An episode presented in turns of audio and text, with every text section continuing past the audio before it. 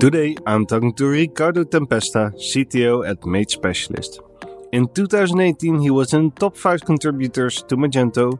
He's a Magento maintainer on GitHub and a Magento master mover in 2019. So, Dev Exchange Magento Live, we're gonna talk about the long road to service isolation. This has been a topic that has come up a lot over the last few months. I think it's something that's really going on in, in the Magento ecosystem. What is service isolation? Why do I care as a developer about this? Well, I don't think there is only one answer. Well, actually, I think the most important aspect of this service isolation is that today in Magento we have modules, but we don't have modularity. And so, for example, if I want to uninstall one module, I can't. Or if I want to replace one module, I can't. So, for example, if I want to replace, let's say, the Magento catalog and I want to use an external product information management, for example. So uh, today is something we cannot even imagine with Magento 1. But with service isolation, actually, actually we could do this. Of course, not today, but maybe tomorrow. I think this is one of the most interesting aspects behind the service isolation. Right. So instead of of writing a bunch of observers and plugins and preferences and, and well, we all know how much work we have to do to replace something. It should be easier to do this. So who came up with this and how is this approached within Magento? Like what does that transformation look like? Do you mean when actually it was started? Was started? Yeah. yeah. Who is spearheading this? Uh, well, actually, uh, I don't know exactly. I think this is coming from the architectural team, probably. But the first time I saw uh, the first implementation of the service isolation was in the MSI. So probably I think that was the time that something changed. I don't know exactly if they were speaking about service isolation before.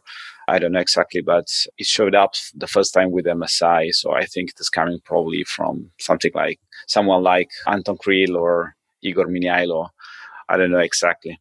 Right. So MSI is an interesting one. You were one of the main contributors to that project. I think, correct me if I'm wrong, it was kind of the module that showed or the extension that showed the world how Magento wants to do development moving forward, right? Yes, that's correct. I think that actually MSI is the, um, well, with MSI, the first time that I found something extremely cutting edge. I mean, that is the Magento I would like to have, honestly, is the MSI way. And yeah, it actually, it was a kind of revolution, I think. And yes, I was one of the most active contributors just because of this, actually.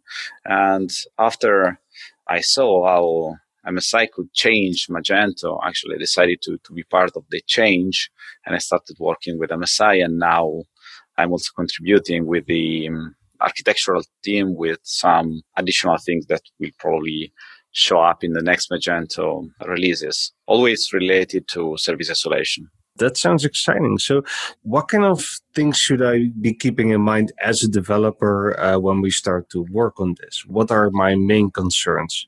The most challenging part actually is the mind shift for developers because today we are very used. I mean, if we are Magento 1 developers as well as other platform developers, we are always used to think the software like a bunch of modules without modularity. A mind shift is the first step, and this mind shift is to think your software, let's say vertically. So basically, think each module like a separate application and of course start considering some pattern like CQS, CQRS, and so on. So, for example, we are very used to have um, a CRUD approach usually to the data. So we are used to have, for example, database consistency and so on. But with service isolation, we have to forget it and to change the way we approach the software. So I think the most challenging part, if we want to approach service isolation, is yeah, the mind shift. Okay, so to kind of wrap my head around it, we have to move away from just doing simple like uh, read and writes on the models and collections of a module. And we really need to come up with a way to encapsulate the functions that a module offers. Is that correct? Yes, is that correct? Because most of the isolation is made, yes, on, on the code, but for example, even on the on database, because otherwise we are building what is called microlith. So basically, it's a microservice, it's a bunch of microservices that are bonded together with a single database that is not actually the service isolation we want to achieve. Uh, because with the service isolation we want to achieve, actually, we could have a tomorrow Magento that is able to run, for example, one the catalog part in one server and let's say the customer part in another server. So basically, we should also deal with different databases. And what you mentioned actually is this. So we also have to change our uh, mentality because today we are very used to save something on a database and to have it immediately available to all the other modules. But this cannot happen, of course, when you have our database split across different nodes and we have to change our approach because we should follow what is called the CQS. So basically, it's the command query separation that is uh, very simple to understand at the beginning, but very hard to implement at the beginning. But then you find it the only way you you're able to develop when you face it. Yeah, that really makes sense. So if I have a product and I have a product stock, I might not be saving the product stock in the database. I actually might be, well, probably not, but, but I might be writing it to a file. So I should actually have an API that I can use to read from that file. And my product shouldn't care on how that is implemented. Right? Yes, that's correct. So what we have to do, yes, is also to raise the, the abstraction. So for example, when we start creating a model, we should start from API, for example, because you, you said one, one thing that is very connected to the real life. That is, yeah, today we think that everything should be saved on the database, but it could happen differently. So I could have, yes, first of all, one different database. So I could have not MySQL, but for example, let's say MongoDB, I don't know, whatever, or a file or, or whatever I like.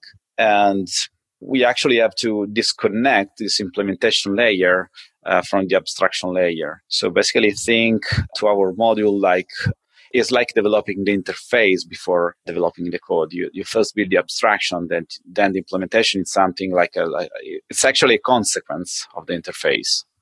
I love that.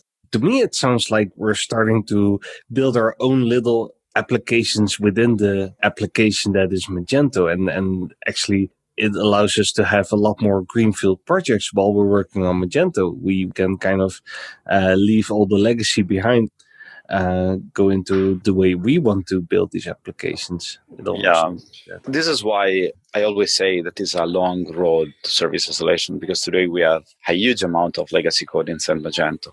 So the transformation is not easy, but it's going because, for example, the first step was, as I was telling you before, the MSI, because, for example, the MSI is not only something that is going to add some feature to Magento, it's going to replace one functional area that is the inventory. So basically, this they already started to work this road, but it's quite long.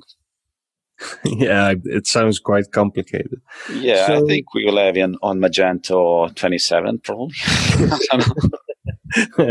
yeah, probably. Why should I join your table at the Dev Exchange? What am I going to learn? Am I going to learn how to get into this project? Well, the idea of the Dev Exchange actually is to involve the community, to make the community aware of these changes because actually if you're already involved with the architectural team or in the msi project you know what is happening but most of the people are simply uh, using magento 2 like they were using magento 1 and they have no clue on what is happening about the service isolation. So the idea is to of course uh, share uh, my experience about the service isolation, listen to people, try to explain them what, how it works, and hope that, for example, especially extension developers will move to this new approach. Because I, I think that yes, Magento as company and as a product, they have in mind to perform this evolution, but I'm not sure they can achieve the full target without the community support that makes total sense.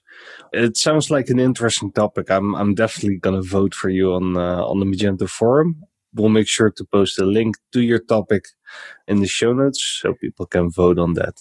Um, thank you so much for joining me today. No, thank you for having me. All right. So that is Ricardo's topic on the long road on service isolation for the Magento Live Dev Exchange.